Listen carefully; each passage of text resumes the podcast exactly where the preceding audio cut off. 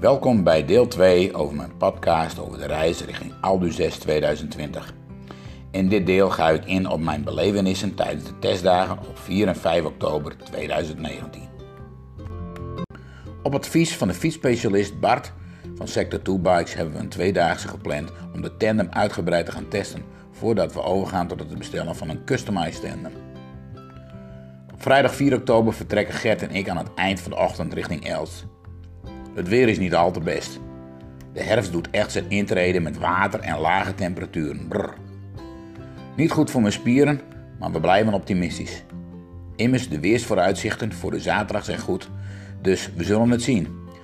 Bovendien heb ik de ervaring van eerdere fietstrips dat je altijd moet gaan en je niet uit het veld moet laten slaan door het weer. Als we rond het middaguur aankomen in Els bij Sector 2 Bikes worden we ontvangen door Bart en vertellen hem onze plannen. De door ons gereserveerde tandem stond klaar. Helaas, helaas, het weer is vreselijk. Kou en regen nodigen niet uit om te gaan fietsen.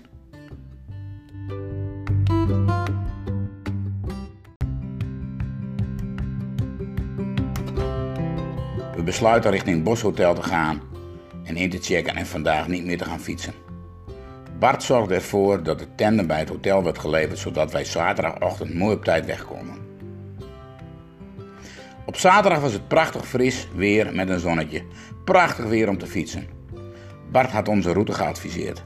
Het Let de Stichterpad, een route over de Utrechtse Heuvelrug, over half verharde paden en leuke klimmetjes en prachtige natuur.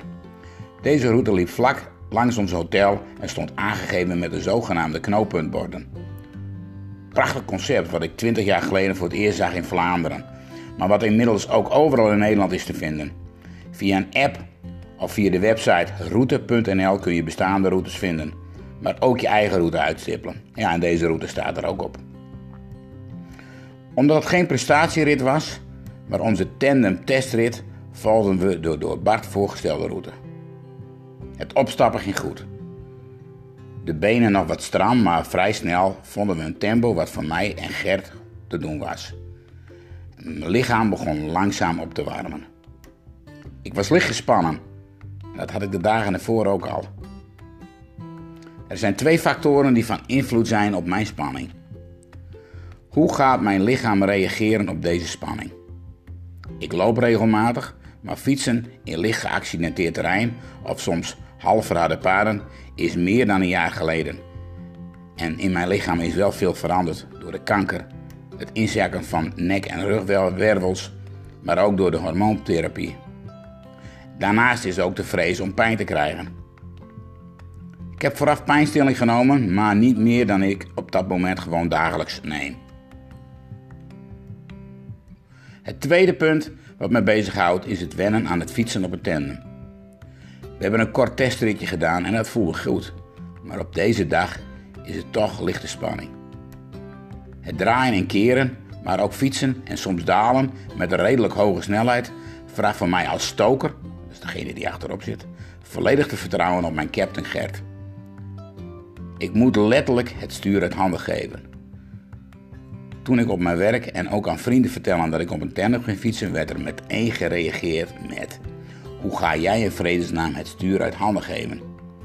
Jij wil immers altijd de regie. Tja, daar hebben ze een punt. Maar met mijn ziekte heb ik moeten leren loslaten en accepteren dat ik hulp nodig heb en een aantal dingen niet meer alleen kan. Niet dat ik voorheen geen samenwerker was en geen hulp accepteerde, zeker wel, maar ik hou toch graag de regie. Ja, en voor mij als bestuurskundige een persoonlijke en heel interessante casus, ja. Bij het fietsen op het tandem moet ik altijd denken aan de volgende punten. Vertrouwen. En in dit geval vertrouwen op mijn captain Gert. Ik moet letterlijk het stuur uit handen geven. Communicatie en samenwerken. Communicatie over hoe het gaat, maar ook over de verwachtingen. Elkaar aanvullen. Intensief teamwork. En zelfs er ontstaat een nieuwe taal als je met elkaar op een tandem gaat fietsen. Vooruitkijken. Je gaat samen op pad, dus je gaat samen plannen maken en routes uitstippelen. Maar ook letterlijk voor mij vooruitkijken. Het fietsen op een tandem biedt voor mij een nieuw perspectief. En tot slot plezier. Het samen fietsen is plezier. Pluk de dag Kijk om je heen, er is zoveel moois te zien en te beleven. We hebben een prachtige tocht gefietst. Totaal 56 kilometer en 500 hoogtemeters. Het Letterstichtenpad was voor ons een prachtige testroute met klimmetjes en afdalingen. Vertrouwen in mijn captain en het tandemfietsen is er helemaal.